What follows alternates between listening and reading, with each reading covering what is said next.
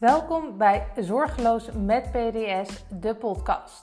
De podcast die je inzicht geeft in darmgezondheid en gerelateerde aandoeningen. In deze afleveringen duiken we dieper in in het belang van rust. Hoe heeft stress invloed op onze darmgezondheid en hoe belangrijk is deze sleutel in het herstel van je darmen?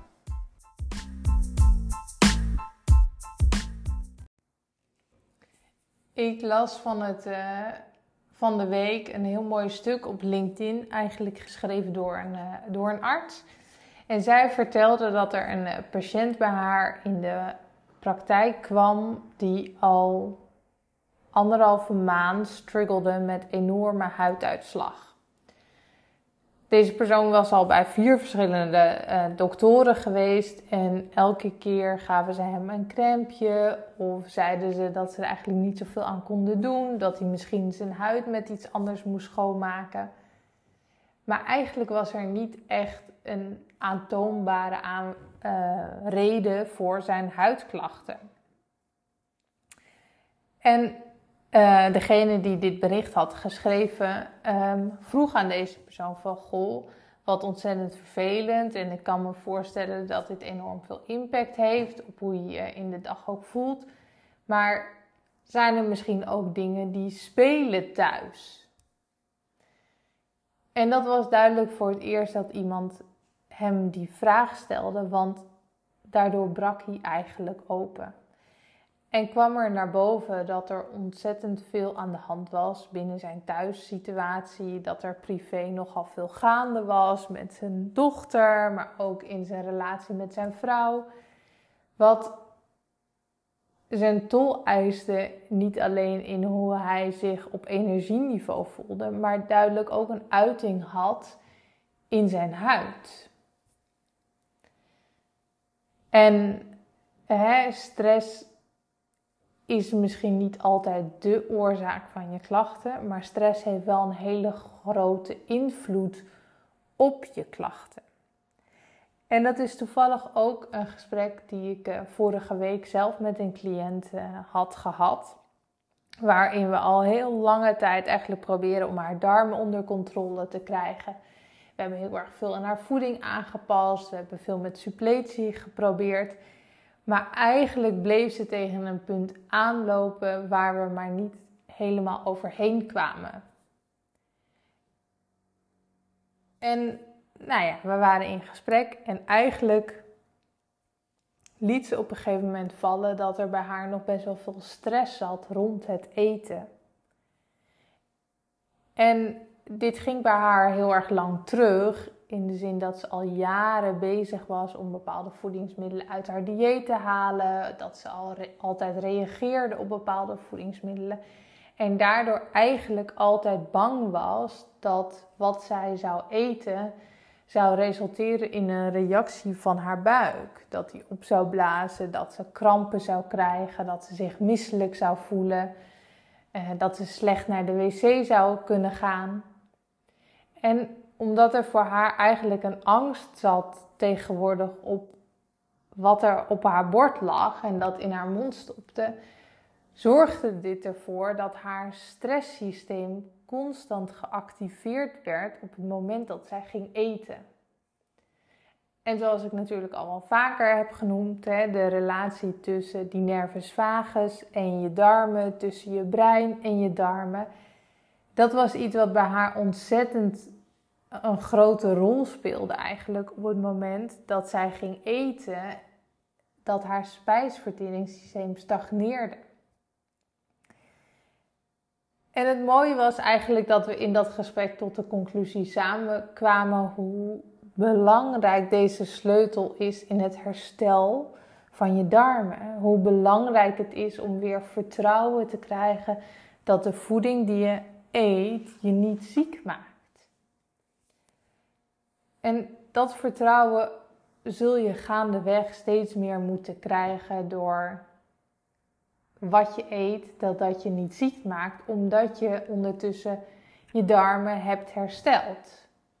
In ieder geval voor een heel groot gedeelte, want zoals ik al zei, dit is echt wel een belangrijke sleutel daarin.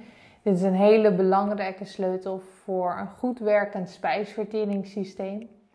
Dus we kunnen met supplementen echt wel oplossen dat je geen ongunstige darmbacteriën meer hebt, dat je uh, doorlaatbaarheid van je darmwand geheeld wordt, dat de ontstekingen naar beneden gaan. Maar uiteindelijk je spijsverteringssysteem optimaliseren en weer op een normale manier laten functioneren, heeft ook te maken met hoe stuur jij die nervus vagus aan en kan je echt in de rest and digest fase zakken als je gaat eten. En waarom deel ik dit nou eigenlijk? Nou, ook wel omdat ik door met haar in gesprek hierover te zijn, me realiseerde wat voor een angst er bij mijzelf op voeding zat. Hoe bang ik zelf was dat ik ziek zou worden van hetgene wat ik had. Dat mijn buik meer op zou blazen. Dat ik weer die krampen zou krijgen. Dat ik me niet lekker zou voelen. Dat ik misschien wel weer twee dagen in bed zou liggen met een kruik op mijn buik. In de hoop maar dat de pijn wat zou zakken. En misschien ook wel besteed ik hier nog te weinig aandacht aan in mijn traject. Ehm, ik probeer daar steeds wel meer aandacht aan te besteden. Maar het is natuurlijk niet een heel sexy onderwerp om het over te hebben.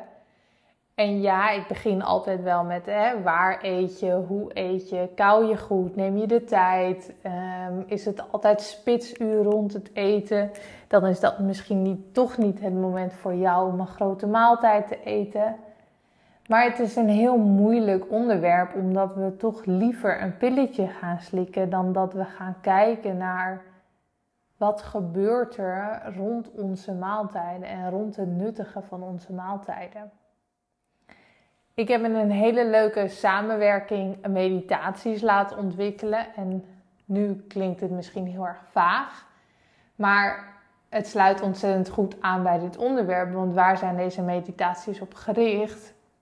En vooral eentje heel specifiek, die je echt kunt luisteren vlak voor je gaat eten. Hij duurt dus ook maar een paar minuten. Is juist om die nervus vagus tot rust te brengen. Om het signaal naar je darmen en je spijsvertering te gaan geven van het is oké. we zitten nu in die rest and digest. En jij kan nu je werk doen. Dus we moeten aan de ene kant uit de angst dat voeding je ziek maakt. En aan de andere kant moeten we ook naar de ontspanning toe, zodat je spijsvertering het signaal kan krijgen om te gaan verteren. En dit is een heel groot onderdeel van het darmherstel.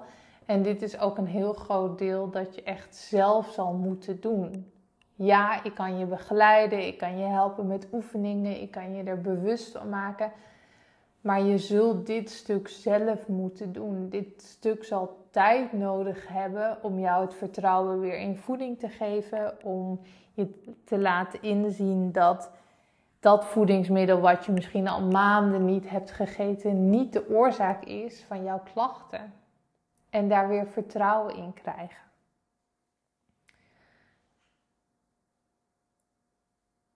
Ik kan nu heel theoretisch ingaan op wat stress doet met je darmen en hoe het je darmmicrobioom kan veranderen, hoe het je ongunstige darmbacteriën ruimte kan geven om exponentieel te gaan groeien ten koste van je gunstige darmbacteriën. Ik kan zelfs ingaan op hoe stress uh, invloed heeft op de doorlaatbaarheid van je darmwand, hè, van dat lekkende darm, zoals we dat in de volksmond noemen.